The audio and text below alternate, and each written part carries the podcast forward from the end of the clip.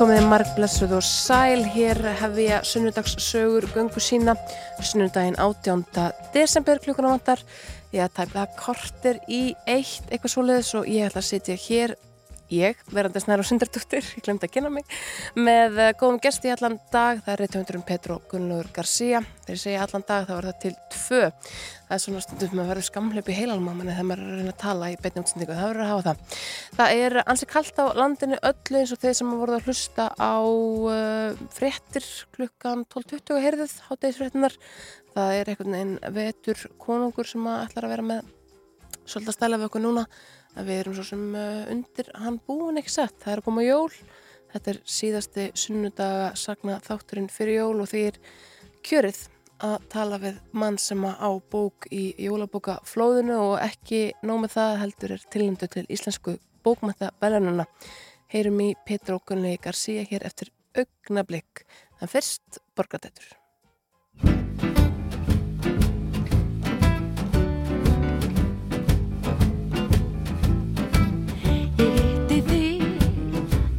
Upp á Arnarhól. Þú varst með gítar Það voru að koma jól og er við urðum dús. Þú vildir syngja Við saman sungum jólablús Alveg svo alvur Þú samtir hann sjálfur. Við kyrjiðum æja, ei Við kyrjiðum jiptal, já, ei Við stígum dans Og gliftum snjókornin Það var svo gaman Við áttum alheiminn en tími leið svo fljótt. Og fyrr en varði var komið fram á rauðanótt Við áttum hólinn og svo komu jólinn Við kyrjiðum æja, ei, við kyrjiðum jöttur, já, ei Syngjandi jólablús í jólasnjó. Horðum á jólastjörnur himins og ég man ég hló. Síðan þá fyrir hver jól.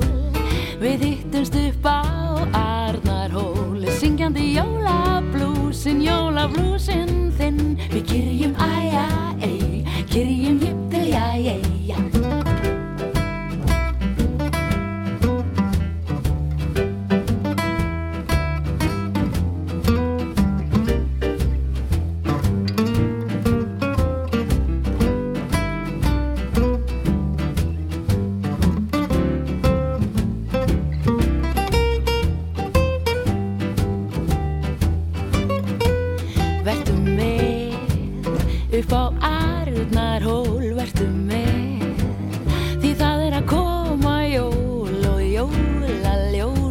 lýsa allstaðar Ég leggst í mjúkan snjó og geri engla far. Syngjandi jólablúsin, já syngdu með. Við kyrjum æja, ei, við kyrjum júttil, já, ei Syngjandi jólablús í jólasnjó. Horfi á jólastjörnur himins Ég fæ aldrei nóg til í ramma að fyrir hver jól Við yttumst upp á Arnarhól Syngjandi jólablúsin, jólablúsin þinn Við kyrjum æja, ei, kyrjum jöptil, já, ei Við kyrjum æja, ei, við kyrjum jöptil, já, ei Við kyrjum æja, ei, við kyrjum Jú, þetta eru borgatætur og þeir eru að hlusta á sunnudags sögur.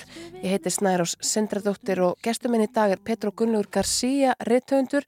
Hann er sestur hérna hjá mér, tók uh, æsisbrandi strætóferð í gegnum uh, snjóin hér á höfuborgarsvæðinu. Ertu velkomin Petro, þú komst hinga við Ítlan leik. Já, aðeins og eftir áallun í dag, kannski skiljanlega. Ég, ég tók vakt sem að ég held, ég held að myndi skila mér hérna mjög tímanlega en svo hérna var, það, var ég í kapplaupið í tíman. Já, sílaðast í gegnum bara höfuborgarsvæðið. Já, já, svona hægt og rólega líka þétt sittin vagn og margir sem að kjósa að taka strætó Mm. í snjónum. Farastu alltaf með strætó? Já, ég er fastagestur í strætó. Ok, akkurri? Eh, Ég er ekki með bílpróf Ah, og hérna ólst upp á bíllausu heimili fer allar minna leiða gangandi eða í strætó þegar þarf Já, einmitt. Það er og bara hérna reyfast. finnst það bara frábært Já. ég finnst bara strætó að vera æði kannski ódæmi gerð skoðun Já, en ég meina, það er samt, uh, sko farið eitthvað mann innblástur fyrir bækuna hennar í strætó. Það hefur komið fyrir, það Já. er samtal í fyrstu bókinu minni, Málesingjanum sem að ég tók beint upp úr samtali sem að ég heyrði eða það voru tvær konur sem sátti aðeins framar í vagninum og voru greinlega vinkonur og greinlega vinkonur sem voru búin að þekkjast sko bara áratögi Mm. og það var svo skringilegt að önnur satt í röðinni fyrir framann hinna og var svona að tala aftur fyrir sig. Sem strax pínu þá sper ég eirumbinu hvað? Og hún var, hún var að tala um þetta af vetralagi og dimmt úti og síðdeis og hún er að tala um norðurljósin sem sjást nú orðið, þetta er ekki sömu norðurljós og ég sá þegar ég var lítil stelpa, þú veist, þetta er eitthvað annað. Já, og hinn var, hinn var svo, já, hvað segir gunna mín hérna, en e, þú veist, þetta er bara venjuleg norðurljós, nei, nei, nei, nei, það var að spreyja einhver út í loftið og fjölmjöla þú er ekki að tala um það. Og ég, Já. náttúrulega bara þú veist, nótur þetta niður í, í hausnum á mér fannst þetta sérkennlegt sérkennlegt umræðefni og svo rata þetta í bók bara sem svona ingangur að kapla sem fjallað um strætóbílstjóra, Einmitt. þessu persónu sem var strætóbílstjóra þannig að ég, svona, ok, hvernig maður að byrja senu, bara annar að keira já, nei, í huga að getur byrjað þessu skrýtna samtali og hann halvpartan að hlusta og svo getur svona byrjað að tala um, eða svona fjallað um hann. Samt svolítið svona fascinerandi sko, umræðefni, allt sem við upplifum öðruvísi í dag en við gerum þegar við erum börn. Mm. svona klassist bara jólatrið voru, jólatrið voru miklu stærri þegar maður var barn og svo í dag þá eru þau veginn bara nánast í mittishæð og það skilir mig. En, en þannig erum við að tala um að verður eitthvað svona hugmynd utan um norðurljósin sem, að, sem að er kannski ekki alveg svona samkam Nei, sko, svona, man, þú man, man finnst eins og þetta hangi saman með einhverjum öðrum svona hugmyndapakka hjá Mm. henni, sko, hún sé svona, þetta er svona, svona er kannski gefin fyrir samsæriskenningar og eitthvað svoleiðis mm -hmm. og, hérna, en þær voru svo djúpt soknar í þessar umræðar að þær glemdu að hérna, íta á stoppið stopptakkan, sko, og hérna Sko, það, það, já, einmitt. Ég, hérna, ég horfði á uppstand með Trevor Noah í flugvél fyrir viku síðan og þá var hann að segja að hann var að tala um samsvarskenningar og, og var að tala um að hann, hérna, væri í sjálfum sér ekkert mótfallin samsvarskenningum. Maður þyrfti alltaf að velja sér einhverja eina samsvarskenningu sem maður treyði fílindi. Mhm. Átt þú eitthvað samsvarskenningu sem að, Já, einmitt, maður verður að geta staðið með Einni. eigin bilun einhvern veginn Já, Já, einmitt, bara svo nóg til þess að gefa mann einhvern lit já, ekki bara alltaf fylgja jörðinni í öllu já. Áttu eitthvað samsvarskenningu á ég er með einhverja samsæriskenningu? Sem einhverja sem að, hún má alveg vera, þú veist, hún þarf ekki að vera þín persónleg skilur en bara eitthvað sem hún trúir. Já, já, mér finnst alltaf já, ég, mér finnst, ég, ég er ekki viss með sjálfa mig. Ég er alveg svona leiðilega mikið rökkikju dúti Já, og hérna, reyn- reyndar er ég orðin svona meira og meira gefin fyrir dulsbyggi en mér finnst dulsbyggi töff. Ok. og mér finnst, þú veist, að lesa í bolla og tarot mér finnst það rosa heillandi og, veist, myndmálið í kringum þetta allt og eitthvað svona alkemi og eitthvað mér finnst það mjög skemmtilegt. Og þegar fólk er að kukla eitthvað það, það finnst mér það skemmtilegt sko. En með, með samsæriskenningar hérna uh, hérna þá er hérna, mér finnst gaman þegar fólk trúir ekki um tunglendinguna ég var, ég var, ég var, ég var, ég var, ég var ég já. þetta í sálina mér Trú, ertu, ertu, efa, ertu efast aðeins um það? Ég efast, sko, ég efast ekki um tónlendinguna Ég efast um sjómasviðbrun Já, ok. Já. Nei, ég var nefnilega að spila, ég var á deiti með mannesku sem að við vorum að spila hérna, hvað heitir þessi tímalínuleikur, það sem far svona spil og svo þetta raða atbyrðum í mannkynnsögun í rétta röð. Þannig að það er hérna, veist, Abraham Lincoln, hérna, dreipinn og eitthvað svona og svo þetta finna út bara, já, var hérna, var þessi atbyrðu fyrir eftir og svo kom tunglendingin, Mm. hvað var hann ekki 69 eða eitthvað svo liðs eitthvað svo og hérna, Það hluti af, það hluti af kenningunni sko, þú veist, ég sagði bara það er ekki hægt að senda beina útsendingu frá tunglinu á Já. þessum tímapunkti sko. já, ok. Ok, alltaf lega að fara Já, ok. hérna, og, og þá var eh, þessi kona mitt bara, já, ég veit ekki hvort þetta, þú veist, spjald eigi heima hérna á þessu, þú veist, í þessari tímalínu, þetta er náttúrulega viðbörðu sem kannski gerðist ekki, þetta er kannski bara, it's a hoax, Ég skil. Og hérna, þannig að þetta er svona áhugavert, áhugavert, en, þú veist, mér varst það bara svona skondið, Já. þú veist, það er skemmtilegt, þú veist, þetta skipti mig engu máli, það hefur enga þýðingu fyrir mér, þannig að hérna, með, með, þú veist, yfirleitt það sem fólki finnst þú veist, með það skadar ekki neitt þú veist, það er bara allt í lagi, bara trúðu sem vilt já. já, ég menna auðvitað þú veist, en þú semst ert ekki mennin svona samsæðiskenningu sem þú eru að segja, já, menn það er eitthvað til í þessu Úf, já, ekkert sem að poppar upp í hugan sko, Ekki einu sinni, þú veist, að Marilyn Monroe hafi verið dreipur á CIA eða eitthvað svona sem meikar alveg sens Var hann dreipin af CIA? Ég maður spyr Var sig hann að þakka, já, út af hérna af- framhjaldinu með já, Kennedy? Já, út af Kennedy Já, ok, ég skal trúa það. Það. Eða, eða hún hefði verið, sko, færð ekk, og, og hérna, uh, færð eitthvað til, sett í dölargerfi og hún lifi núna góðu lífi með Elvis Já.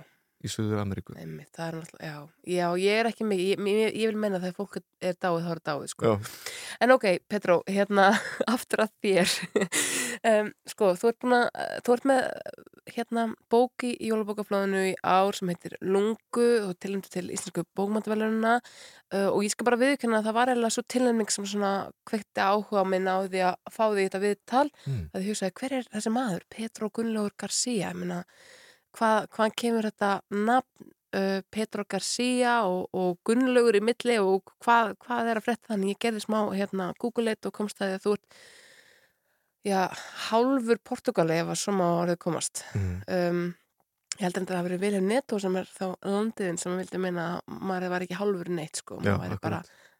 al eitthvað en, en hérna, en uh, pappin er frá Portugal. einmitt, einmitt þetta, þú veist, hvernig orða maður þetta uh, og í hans tilfelli þá skilji þetta sko, hann er, hann er Portugali og Íslendingur, hann er ekki halvur veist, hann er ekki samsettur úr tveimur eitthvað svona bútum hann getur verið bæði. Í mínu tilveiki þá var ég svo lítill þegar ég fluttið að að sjálfsmynd mín er minna bundin við Portugal, en þetta fylgir mér. Mm Þú veist, þetta, er, þetta er svona það sem að fólk tekur oft fyrst eftir í mínu fari og spyr mig úti og það ángra mig ekki neitt. Það alveg eðlett með hérna, með hvernig þetta land er svona sögulega þú veist, einsleitt, uh, norrænt uh, hérna að þá finnst mér ekkert skrítið að það sé oft fókusin, en í mínu tilviki þá orða ég þetta einmitt freka þannig sko að segja að pappi minn sé Portugali. Mhm. en síðan veist, ég elst upp meir og minna hér. En, en hérna, þetta er doldið skrítið hlutis, hlutskipti að, að hérna, finnast maður vera hluti af einu samfélagi en síðan eru síðan er alltaf verið að setja ég á svona einhverju veist, annan stimpil á mann veist, hérna, þannig að ég er ekkert eitthvað, ég er, ég næ fyrir, fyrir, út af þessu þá næ ég ekkert einhvern veginn að vera alveg Ísland, Íslendingur nei, einmitt. og- alltaf þessu smá aðkomumanni einhvern veginn. Já, eða þú veist, fólk er alltaf upplifað með pínu sem þannig að það sé ekki mín eigin upplifun og, og samanskapið þegar ég fært síðan til Portugal þá er ég ennþá meira aðkomið maður þannig að maður er svona einhvern veginn hvorki nýja Mhm, stundum mhm. sem að hérna uh, það er kannski holdt líka að hérna, að hérna vera pínu fyrir utan þá þú veist að geta borið svona vel saman ólíka hluti hvernig, hvernig norm eru ólík og hérna uh, hvað hérna uh, hvað allt er hérna hvað er aftur orðið hérna, nú dáttu orðið mér hvað orðið er já, en þess að uh, þú veist, ge- gestsaugað Já, glögt að gesta já, glögt að gestsaugað getur verið.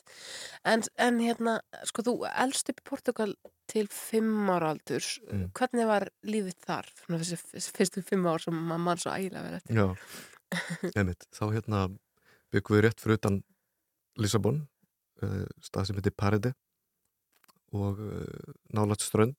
Þannig að ég hafa margar góða minningar af, af því að hlaupa um á ströndinni og finna krabba og, og hérna pappi minn er, uh, var fjölmjölamæður marga áratögi.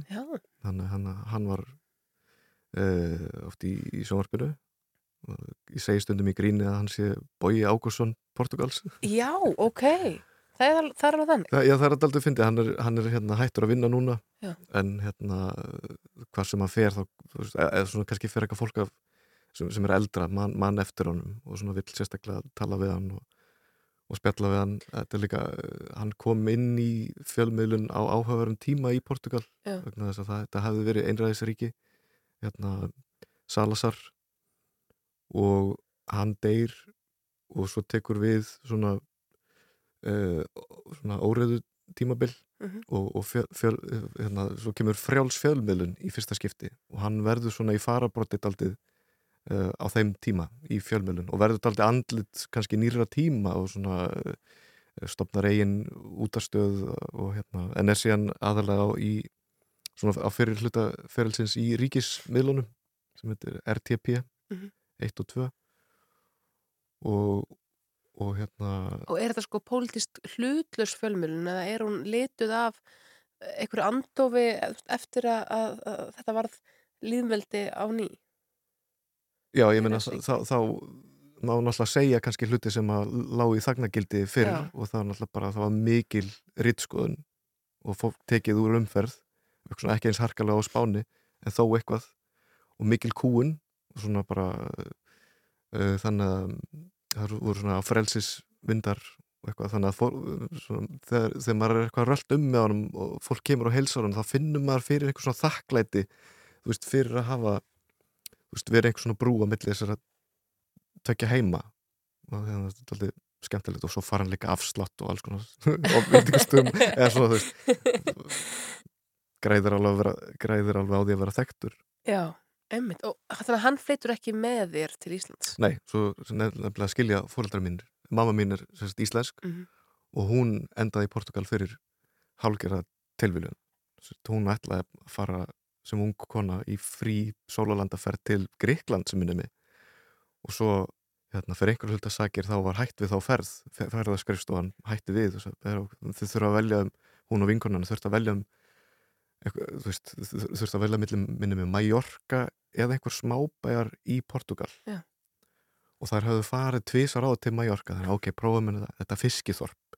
Svo fóruð þangað, það var hundlega það var ekkert um að vera hérna, landið, þú veist, hundrað árum að eftir öðrum stöðum í, í hérna, Evrópu hérna, uh, uh, þannig að það er ákvað að taka rútu til Lissabon og, og hérna voru síðan að lappa þar um viltust voru bara að brenna í sólinni bara með eitthvað heimilisfang bara, ah, rutum ekki neitt.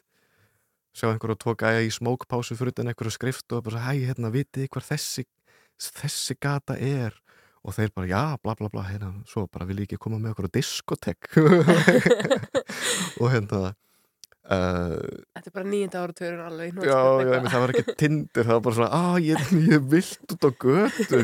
Og hvernig maður já, en sagt þannig að uh, þau kynnast þannig og Hann var sérst annar af þessum mönnum. Já, sagt, það var sem pabbi minn hérna, Og var hann orðin frægur í Portugal? Nei, nei, eða þú veist, hann var í útarpi Já. eitthvað sko, hann hafði verið í stúdenta útarpi, hann var hann átti ár eftir af, af hérna námi Já. í hérna verkfræði og hérna amma sem að e, lést fyrir kannski fjórum árum hún var ennþá að skamman sko Já. bara þang til nýlega fyrir að hafa ekki klára verkfræði námið, sko, af því að það var alvöru karriér, Einmitt. en hérna fjölmiðlun er bara eitthvað Hún hefur kæftað þér sko, það Já. er bara, ég get votta það.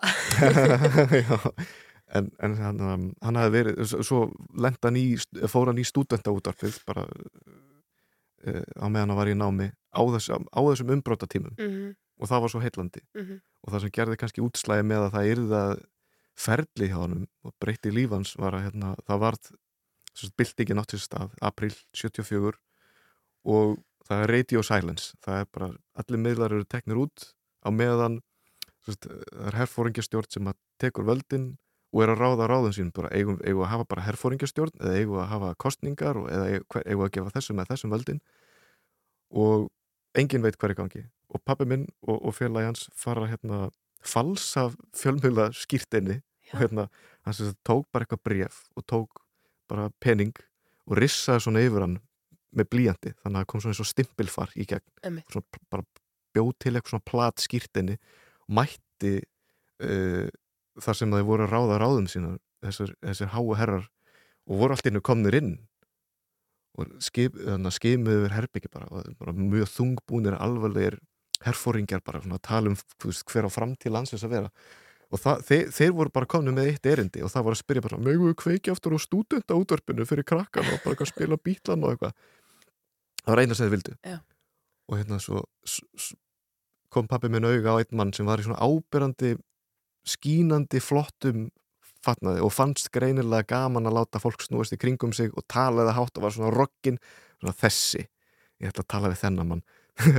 Og fór til hans og spurði, já hérna við erum stúdentar og, og hérna er kannski alltaf lægi að við fáum að hafa kveikt okkar útvarpi? Og sagði, já, krakka minni, blessa þér við bara farið og feikið eitthvað. Þannig að í eitthvað sólaring eða eitthvað var það eina sem átti að heyra í, í hérna útvarpum landsmanna var bara stúdenta útvarp með rödd pappa minns Já, og Hérna, rockmusik og bara já, einmitt, það sem þeir síndist sko, og hérna, það hefur náttúrulega kannski haft mikil áhrif á hann að lenda í þessari ringiðu Heldur og valdi þennan feril sko. Þetta er magnað, mér finnst magnað bara einhvern veginn að þú hafir þess að sögu að segja af, þú, þetta er bara pappin við erum ekki að tala um Mm. eitthvað að ættir aftur í tíman, þetta er bara nútíma maður já, einmitt og hérna, líka.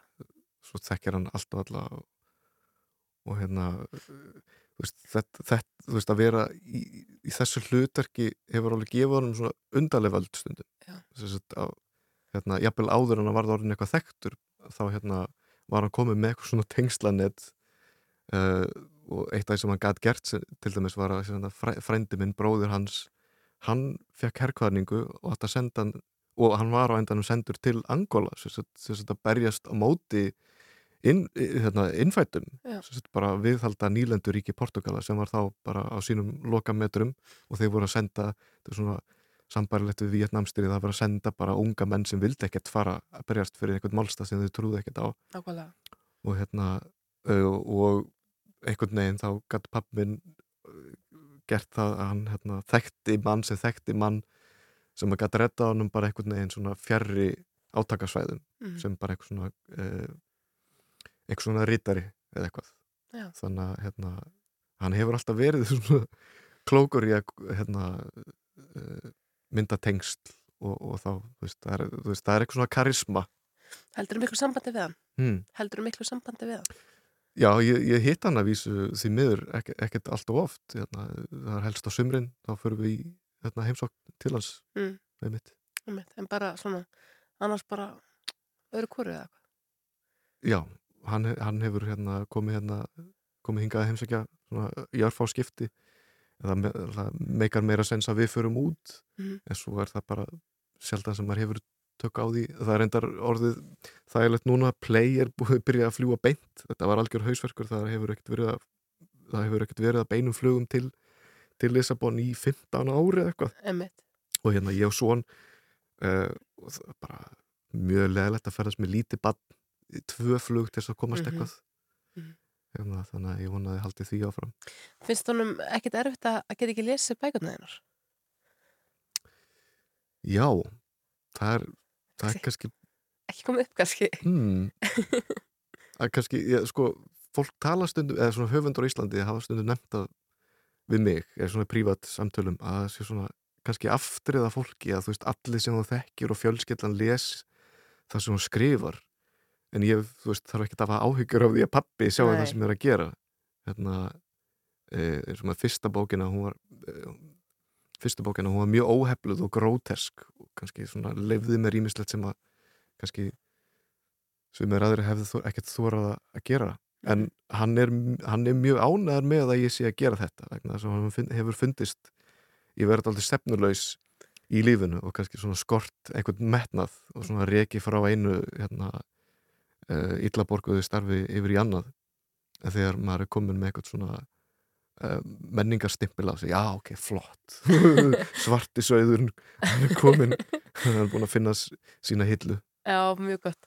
Við skulum heyra betur að þessum svarta sögðu hér eftir uh, smá skilabóð og eitt lag, þetta er lagið Mirra.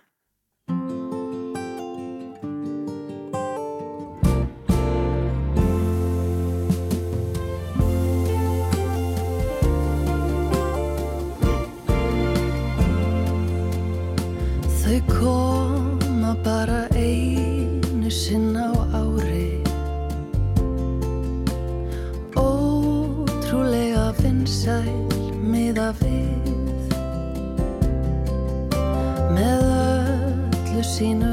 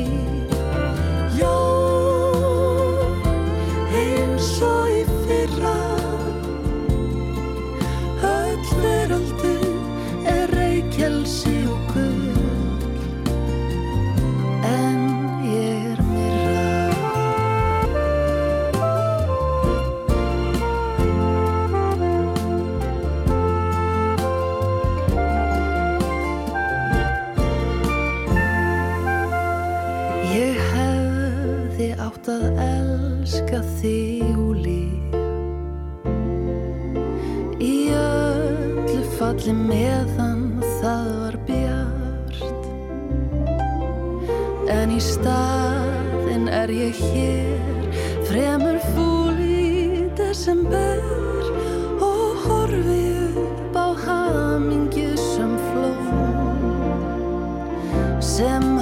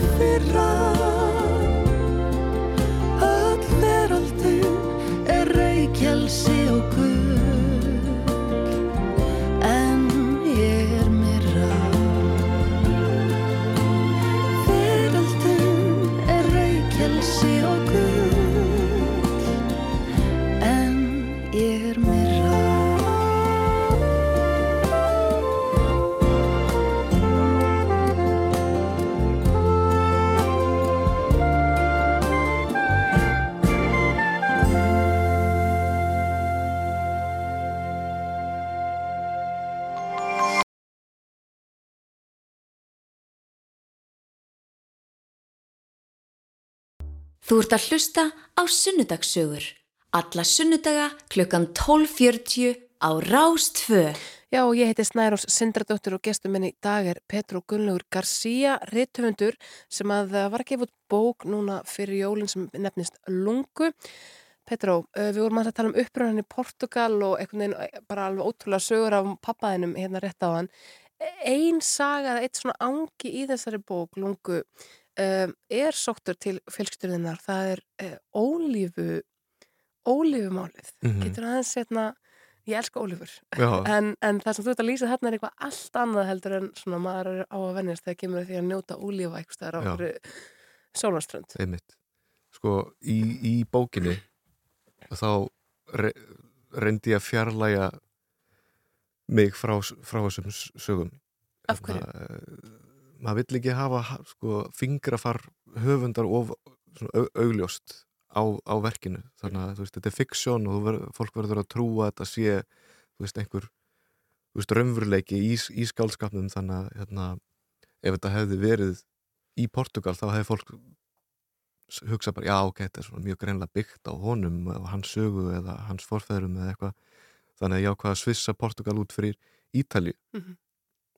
En hérna það sjá allir í gegnum það. Fólk spyr bara stark, já, er, er þetta kannski byggt á einhverju sannsögulega, bara svo, já, ok. En er það ekki bara þegar við, nei, er það ekki bara þegar við Íslendingar lesum náttúrulega skaldsögur með sko símaskrána við hliðina á Jú, okkur? kannski, Er það já. ekki bara málið? Meina, Við viljum alltaf fá að vita bara Já, hvað þetta, í allan, ekki til þess að blekja neitt Nei, en, en þessi ólífursaga er saga sem að Afi sagði mér og Afi var mikill sögumæður og grínisti. Og, og hérna var alltaf að hlæja. Og hann er sá maður sem að ég þekki sem að hefur mest elska lífið. Og hann lést fyrir einu og hálf ára síðan held ég og hérna 98 ára gammal og hann hefði viljað bara annan umgang af lífinu. Já. hann var ekki komið nóg. Og þetta var ennþá skemmtilegt. Og ef hann hitti fólk þá tóka það í gíslingu og þurfti að segja frá einhverju að fara út í maturverslun hjá honum það var alveg tveggja tíma dæmi þú veist bara, ætlum að kaupa nokkar ávexti og hann bara heyrði í einhverju afgriðslu konu og bara svo, af- afsakaði frökin og bara heyrðu, heyri ég á hreimnum þínum að þú ert að norðan, já hérna, heyrðu og eitthvað bla bla bla bla, og þú veist hérna uh, hérna en hann sagði mér sögu af föðu sínum sem að hérna var í portugalska hernum Mhm. þegar fyrir heimstyröld brýst út og Portugali senda ég er ekki með þess að tölur kannski alveg hreinu en þeir senda kannski 10.000 manns á vikstöðarnar í, í Belgíu og ég er ekki viss kannski Fraklandi líka. Og það var að senda hann og honum líst illa á það. Og Langaði ekki stríð. langaði ekki að fara að berjast. Nei, en hérna einhvern veginn einhvern veginn datt honum í hug að gleipa glás af ólífum og fara til herrlæknisins og hvart undan magaverkjum og fer í röngen og ég googlaði þetta veist, þegar, nýlega bara veist, var röngin til, er þetta ekki bara bull? Og jú, jú, röngin tækni var komið þannig að ok, það stendst og læknirinn kíkir á, á hérna, niðurstöðunar og sér bara fullt af ljótum skuggum í þörmónum og sér bara, heyrðu, ungi maður, þú ert bara með krabbamenn sem búið að dreifa sér um alla þarmanna og þú ert bara þú veist, við liggum við döðan styr það er kraftaverk á standirinn í lappirnar þú veist þannig að, bara ber, sæla umlega já, og bara Æ, æ, æ, og sleppur við að vera sendur og af þessum tíu þúsund mann sem að ég hugsa hafi verið send til Flanders í, í Belgíu til dæmis það létust nánast allir í gasárasum þjóðverja Mm. þannig að ef hann hefði ekki gert þetta þá, hef, þá væri ég ekki hér í dag Einmitt. og hann ekki, hefði ekki orðið 98 ára gammal að glensa með Já, eða þess að það var langafi minn ah, og, og svo afi sem var 98 ára, þeir, þeir voru báðir mjög langlífið sko, og, hérna, og, og langafi pappi hans, hann var 102 ára held ég sko, þannig að þetta er bara svona eitthvað, menn sem að, Vá. vilja helst ekki deyja Nei. En hugsaði samt hvað er mikil forrætnda að alast upp í kringu fólk sem hefur gaman á lífinu. Men Það er hérna, ég hugsa alltaf um börnin sem að búa heimilum að sem að enginn hlær hann einu, Mm. aldrei nættu fyndið. Já, einmitt Spá, þú átt barn, ekki Mhm. sant? Já. Mm Hugsaði ekkert um það þegar að, að þú ert alna upp bara hvað mikilvægt að hann heyri hlátur og það sé svona gaman í kringum hann, húmor og gleði og Já, hann er mikill sprellikossi, hann er 5 ára Já.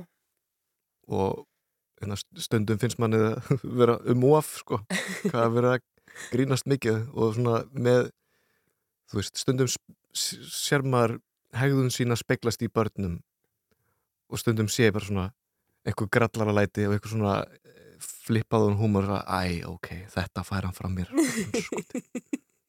Hvað er búin að gera þessu barni?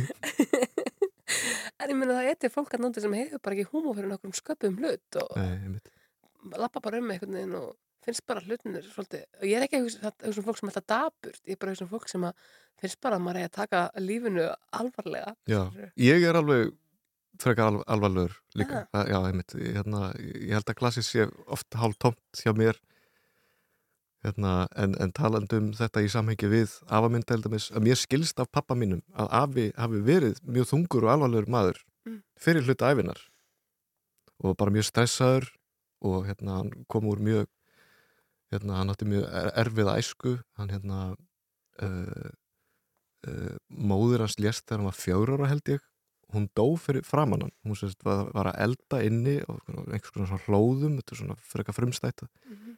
og hún fekk flogakast og datt á eldin Úff. og byrjaði að brenna fyrir framann hann. Og hann hljóp út að kalla eftir hjálp pínu lítill þannig að þetta svona byrjar æfin og, og hérna fadirinn tekur saman við konu sem var, vildi, sem var kannski ekkert mjög hrifin af uh, börnuna sem hann átt, átti og enn sem Davi endar á því að, flýja heimilið eða, er sparkað út 15 ára og hann fer til höfuborgarinnar sem sagt hafði átt, í, hafði átt, hafði átt heima í bæ sem heitir Tumar og fer til Lissabon þar sem hann þekkir engan.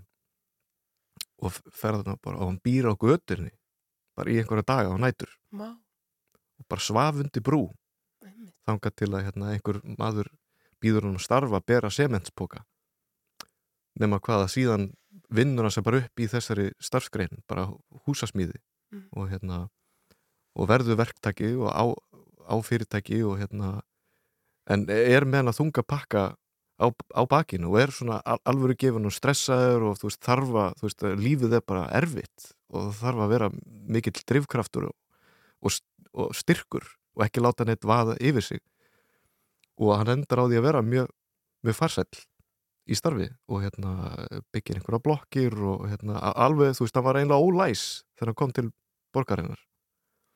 Og hérna þessar típur sérstaklega frá þessum bætumar voru kallaðar villigæsir því að þeir flug allir frá þessum litlu bæjum til borgarinnar og svo byggðu þeir bara einhver staðar án leifis Mhm, og báðum leif eftir á. Mhm. og í þá daga var það allt í lægi bara, að, heyrðu, byggður hús í Ólífi já, þú ert búin að byggja húsið, ok, mátt þá leif eftir á.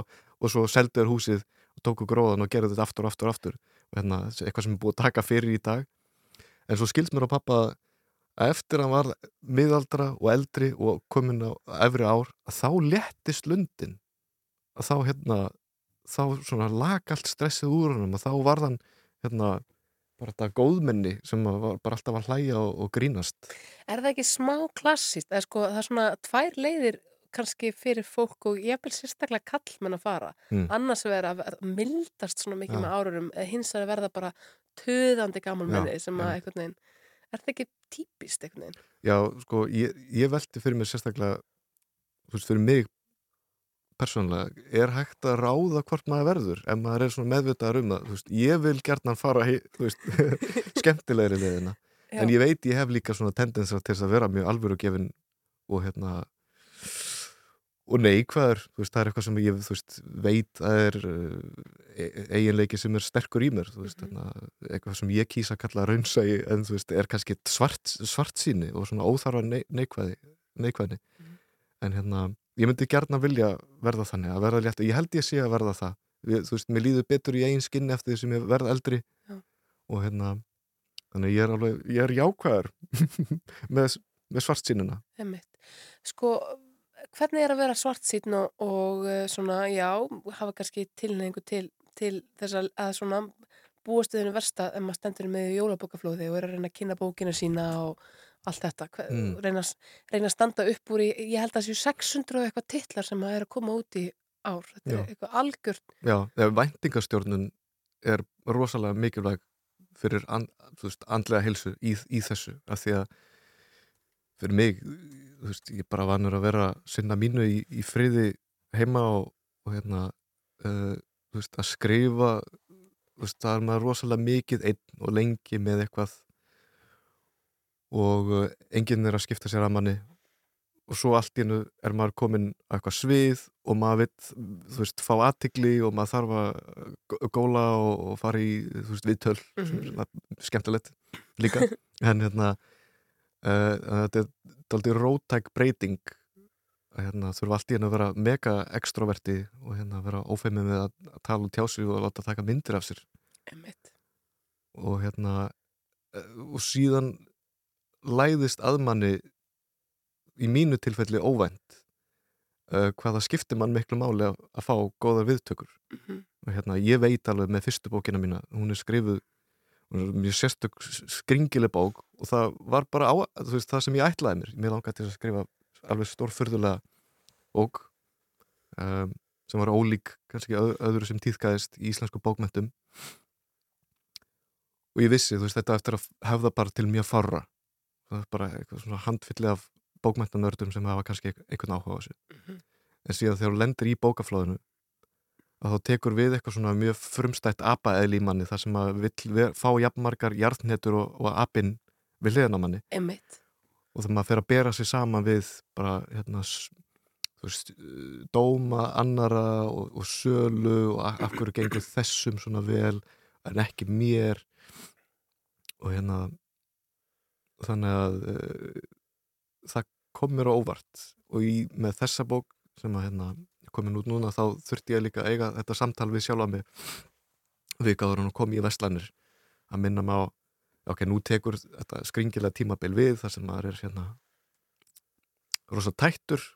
Andlega einbeitingin er svona með takmörkuð og hérna um, minna mig á að sama hverja viðtökurnar eru ég hef enga stjórn á því hverja þær verða. Það er náttúrulega bara tilviljun hver er veist, að skrifa fyrir þetta blað eða hver er veist, í, í kiljunni þetta skiptið eða, eða, eða hver er, er einhverjum þú veist Og það snýst svolítið allt, það snýst svolítið allt á Íslandi um bækur í tvo mánuði ári eða Mm. eitthvað. Allt í neyru bara einhvern veginn, allir fjölmjölar undirlaðir einhverju bóka, Já, einmitt, og það ko- komast ekkert allir að hérna, sem er daldið leðilegt en hérna að samaskap, þú veist, fólk kvartar yfir jólabók, eða höfundar kvartar stundum yfir jólabókaflóðin, þetta er alltaf mikið og alltaf skammu tím og eitthvað svona en þetta er, þetta er frábær samkvæmisleikur fyrir samfélagið. Mhm.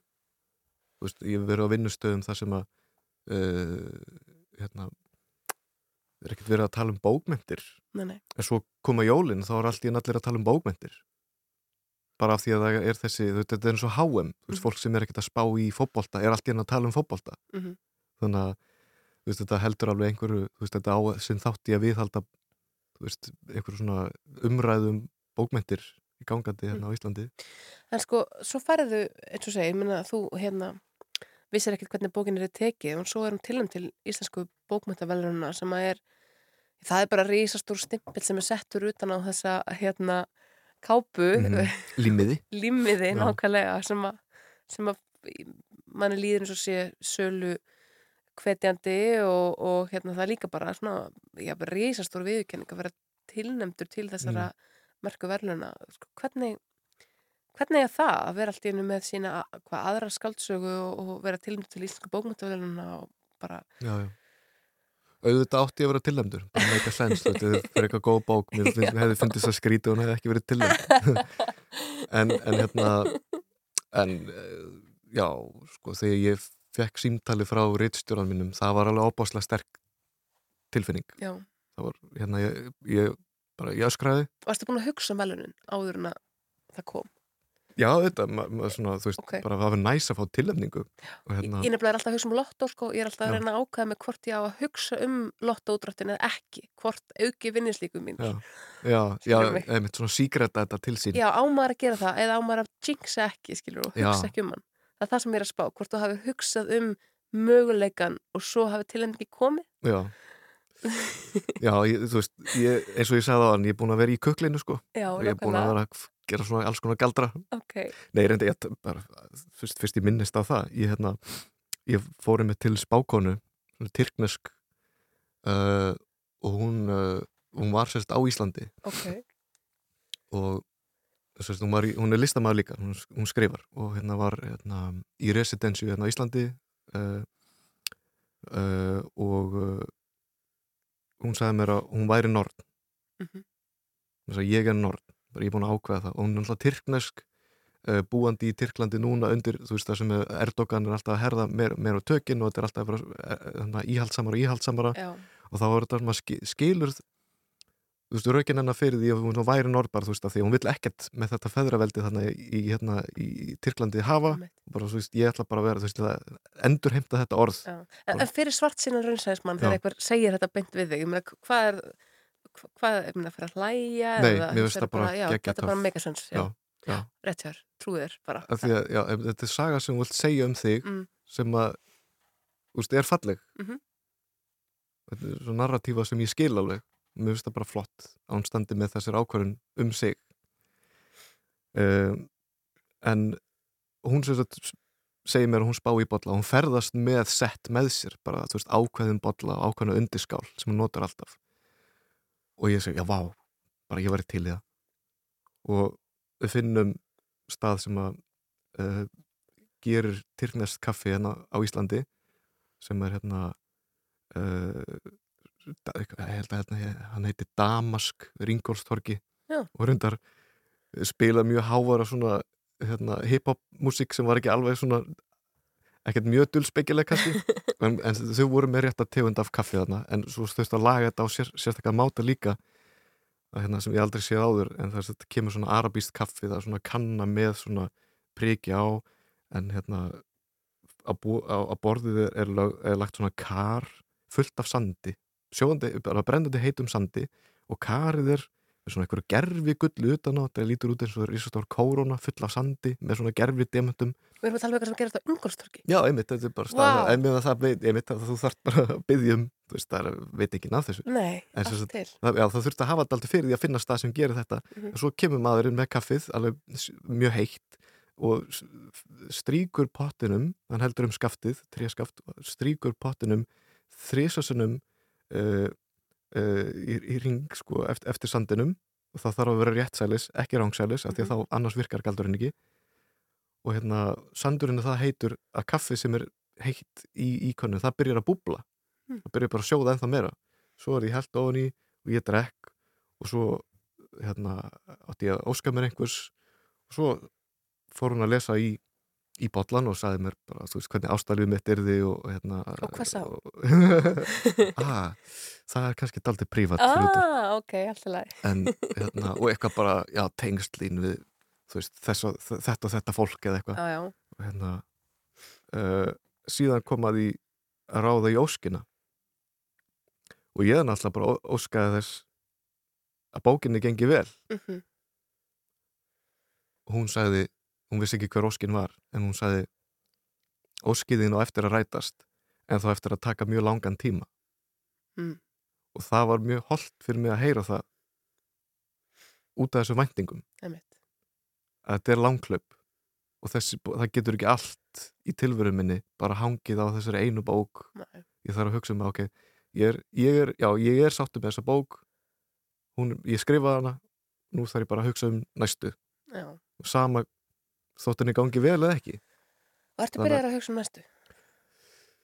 svona, svona eitthvað ég, hérna, eftir lungu fannst ég með fannst ég fannst mér, ég var alveg tómur svona, það fór allt í þessa bók og ég get aldrei skrifað aftur Mm. og hérna uh, síðan er búið að fyllast upp í þetta lón Ok. og ég finna að ég er alveg tilbúin til þess að fara að skrifa eitthvað ég er ekki alveg viss hvað það verður Mm. En þú fyrst reyðlaun. Já.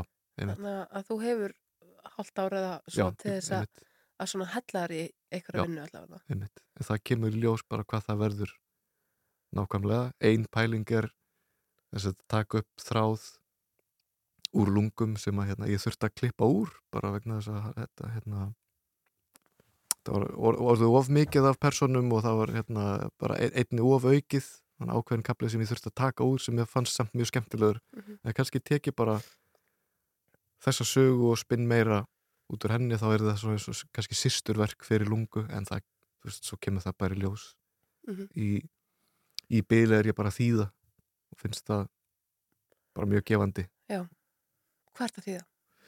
þá er ég með, ég er með nokkur verkefni í, í gangi einu og hérna, eitt af því er hérna, bara svona léttur krimmi fyrir Storytel Mhm. sem að er hérna sem að er svo gaman að þýða.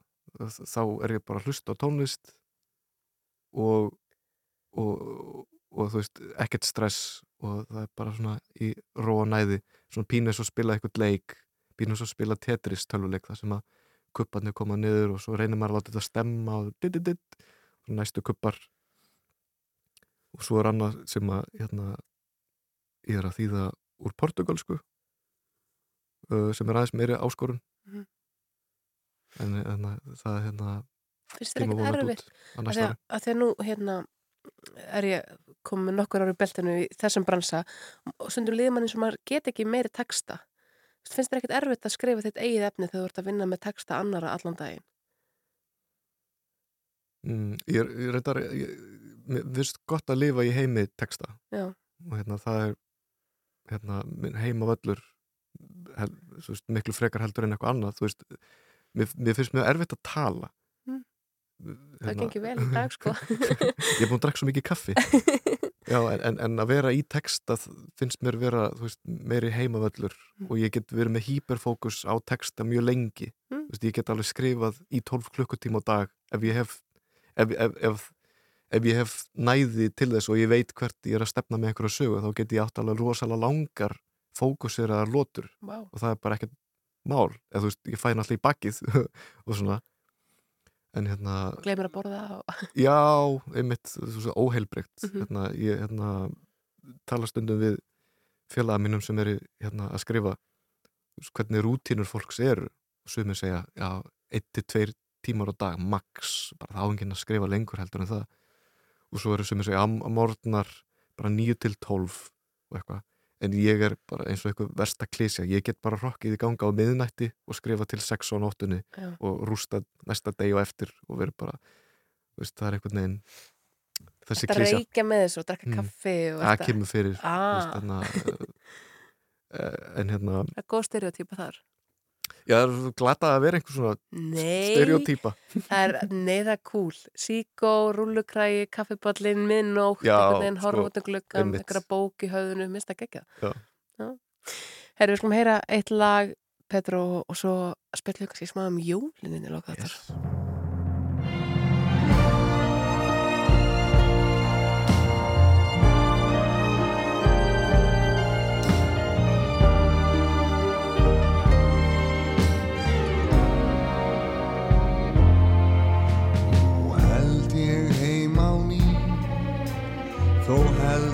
Sé hann kaldur Og þó bæti bilinn í.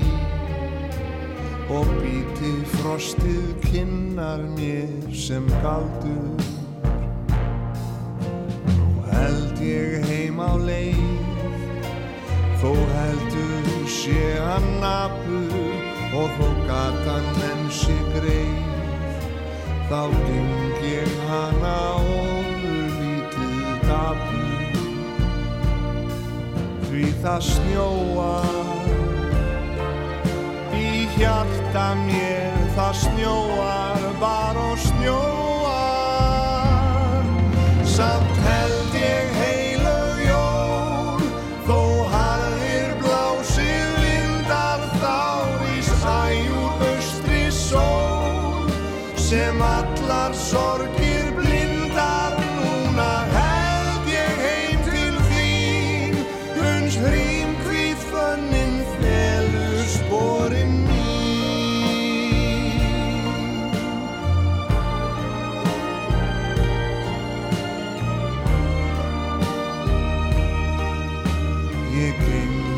hjarnið ofur lítið dapur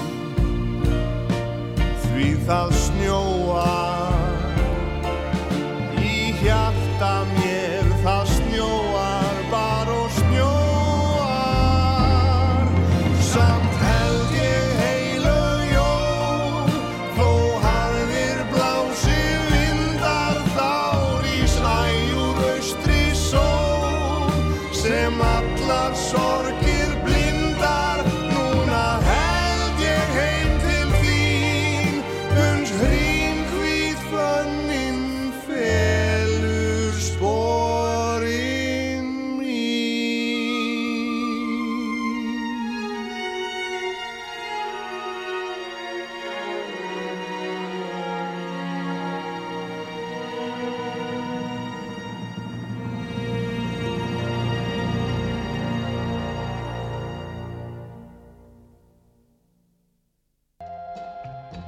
Þú ert að hlusta á Sunnudagssögur.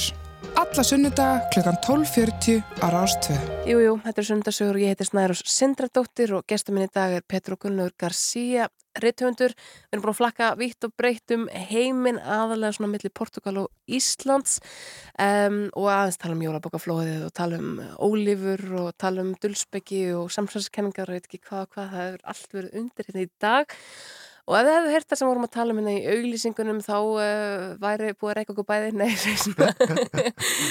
en sko Petró, því við eigum ekkert alltaf mikið eftir á þættinum og þetta er nú síðast þessum að sunnudaga sagna þátturinn fyrir jól. Sko, ertu mikill jólamaður? Júlimann? Já, já, stó júlumenn Stó júlimann? uh, Svona á síðustu stundu Ok, Svona alveg kæri mig frekka kollóttan en síðan veist, verður klukkan 6 og þá er eitthvað svona helgi Já. sem að maður er ekki ósnortin af þú hlustar á, á rás eitt, þannig að þögnina eða? Já, já, já, Þögnin er ótrúlega vinsalt út af sefni. Það er Já. ekkert vinsalt heldur en Nei, þögnina. toppar ekki tögnina Það gerir það ekki, sko. Þetta er magna moment. Og kemur einmitt svona helgi, helgisleipi yfir mann svolítið, mann verður svona, það verður svolítið svona Já, þetta er augnablik. eitthvað svona, þú veist, sem að er kannski ekkert stór hluti af lífið nútíma mannsins, bara eitthvað svona ritual Mhm. og þú veist, það er eitthvað svona ritual í kringum jólin og sem tengir mann við fortíðina og mann segin barnesku, eitthvað sem er alltaf eins og það er alltaf áhrifag, áhrifarík stund Mhm. og hérna þannig að ég einmitt, hérna fæ, þú veist, þessi tilfinning kemur alltaf Já. og það, þú veist, hérna, þessi sterka jólatilfinning og það er svona, þetta er svona heilög stund og ég er ekkit trúmaður Nei. en þetta er eitthvað sem er heilagt fyrir manni þú veist, þessi fjölskyldu nærvöra og hérna tenging við fortíðina Einmitt. En hvað með eitthvað hefðir og heldur þú til þín eigin jól eða ertu, ertu með fjölskyldunni? Ertu með Já, í stórfjölskyldunni? ár, í ár verði hérna heima á bróðu mínum Já. og hérna fjölskyldu hans, það er hérna kona hans og, og tvær dætur og ég og strákur minn verðum þar uh, sem er gaman, Mm krakkana Ókslega gaman. að hérna, sprella saman hann er fimm ára og, og, og stelpunar bróðu minn sér á, á svipuðu reiki þannig að það verður svona jólahassar Æðislegt. Æðislegt. Sko, já, einmitt. Þú ert ekki mikill þá þorlagsmessu maður eða neitt ég svoleiðis? er ekki skötumæður Nei. ég hef einu sinni á æfinni smakka skötu Já. og það var einu sinni of oft Já, hérna, það var einhvern veginn og ég hérna, var hjá þáverandi kærustu minni fjöl, fjölskyldu hennar uh, og það var skamtu, skamtu skata og disk hjá mér og svo reyndi ég að bræða hana og hún var alltaf sterk ok, ég ætla að blanda smá kartöblum út í þinna dagis Mhm. Og fekk mér smá bita, ok, þinna dagis meira með smá kartöblum, svo var ég búin að að borða borða og þinn og þinn og þinna og það var meir, meira á disknum eftir hálftíma heldur en ég uppæð vegna þess að ég hafði alltaf verið að bæta og bæta við kartöblum þannig að þetta var svona óendanlegt já óendanleg skata Eilíðar vél Já, bara einmitt. Disney já. þannig að ég hérna, skilaði disknum í vaskinn bara með meira, meiri mat heldur en ég uppáði sko. Já, einmitt. Já, þetta er hérna, ég held að mín svona uh, eina skötuminning mitt þegar ég var dregin í, kaupfélagið í Varmalill, það sem var Mm. skötuvisla, það var svolítið upplifun að Já. standa með einhverjum ráþurum í ríkistjórninni og fjöls, tengda fjölskyldinu minni og fleira, Já. vera að ræða eitthvað virkin í hérasvötnunum eða eitthvað og, og hérna, allir í svona möturreitis röð að fara að fá sér skötu á disk og ég fekk mér saltfisk, Já. menn nú já, hérna pínu portugalst eitthvað Jú, en jú, þetta var ekki portugalsku saltfisku getið sagt þér, það var Nei. búið að sjóða þennan saltfisk í sama potti og skutuna sko, næs það var alveg viðbjóður. Bara mjög að þetta ræðilegt þessi dagar hljómar frekar illa að mjög mörguleiti já, já, já, var, þetta var þetta var upplifun, við getum orðað þannig. Þetta er eitthvað sem ég get kannski sett í hérna skaldsögu eða eitthvað. Eða lána þér. Já, einmitt. Sögur af hérna, vondum mat Mhm. það er oft daldið komist en hvernig er, sko, hvernig er jólinn í Portugal? Jólin í Portugal uh, ég, hérna, ég var það seinast yfir jólin, það er nú komið daldið langt síðan það var, kannski fyrir 15 árum Mhm. og uh, það sem að stendur upp úr við þá heimsókn var kuldin í húsunum Mm. hérna, það er engin kynding og ég hérna, gisti hjá af og ömmu þá og uh, engin kynding, skítkalt á jólunum. Og ég hérna, er bara skjálfandi og kemur gufa út úr munninum á mér og þau bara hissa bara, hérna, ert þú ekki frá Íslandi? En af hverju, þú veist, ert þú ekki vanur kuldan? Og "Nei, en það er alltaf svo hlýtt inni hjá okkur. Og hérna hérna það er sterkasta jólamyndingi minn já, frá Portugal ég var svo gladur að komast aftur í hlýjuna á Íslandi þetta er alltaf algjör luxus sko, þessi íslenski stofuhiti mm hann er, hann er eitthvað annað en heyrðu, sko uh, það er alveg að koma að lókum hjá okkur það líður ansið hratt mm. en við ætlum að spila inn í lókin lag sem að hefur tengingu við nýju bókinu hennar Lungu Mm. sem er tilum til íslensku bókundalurinn svo ég þreytist ekki á að segja þetta heitir Sugar Hiccup og nefnir að segja mér akkur þetta lag hvernig það kemur sögu Mm. hérna Cocteau Twins er hljómsveit sem að á ákveðna tengingu við Sigurós þau voru að syngja á sagt, ekki tungumáli Já. áður en að þeir voru að gera það mm.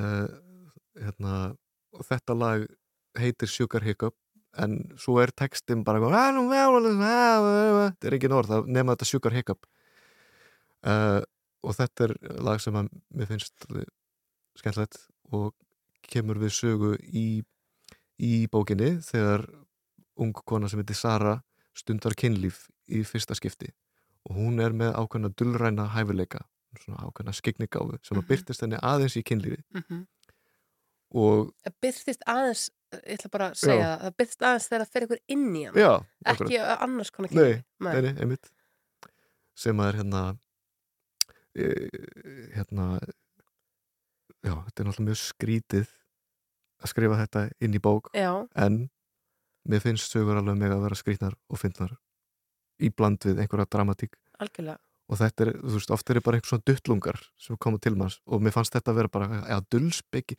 dullspeki og kynlíf einhvern veginn blanda saman, eitthvað dullrænt við kynlíf það er ekki ekki að, mm ég ætla bara að finna því stað einhvern veginn og svo bara kemur ljós hvað kemur út af því.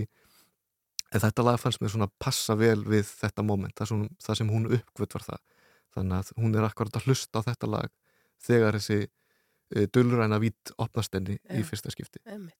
Sko, uh, Sugar Hiccup, það er hérna hægt að lækna hyggsta með sigri. Það? Já. Nei, Það var hérna sjóari frá stöðufyrði sem að heitir Svavar, sem að kendi mér það. Já, Maður tekur matskeiða sigri, maður er með hyggsta Já.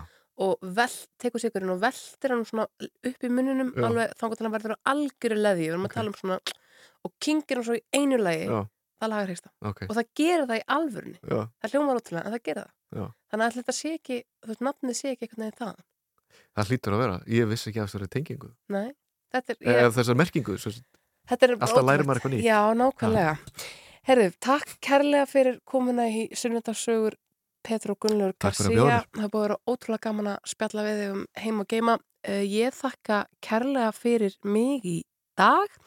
Ég heiti Snæra Sindardóttir eins og ég er búin að koma að hérna en uh, Rúnar Róberts hann tekur við uh, keppnu hér eftir skamma stundu skulum heyra Sigur Hiccup og svo verður þátturinn aðgengilegur inn á vefnum eftir augna eins og þið þekkið. Mæta vel. Takk og uh, já, gleði jól.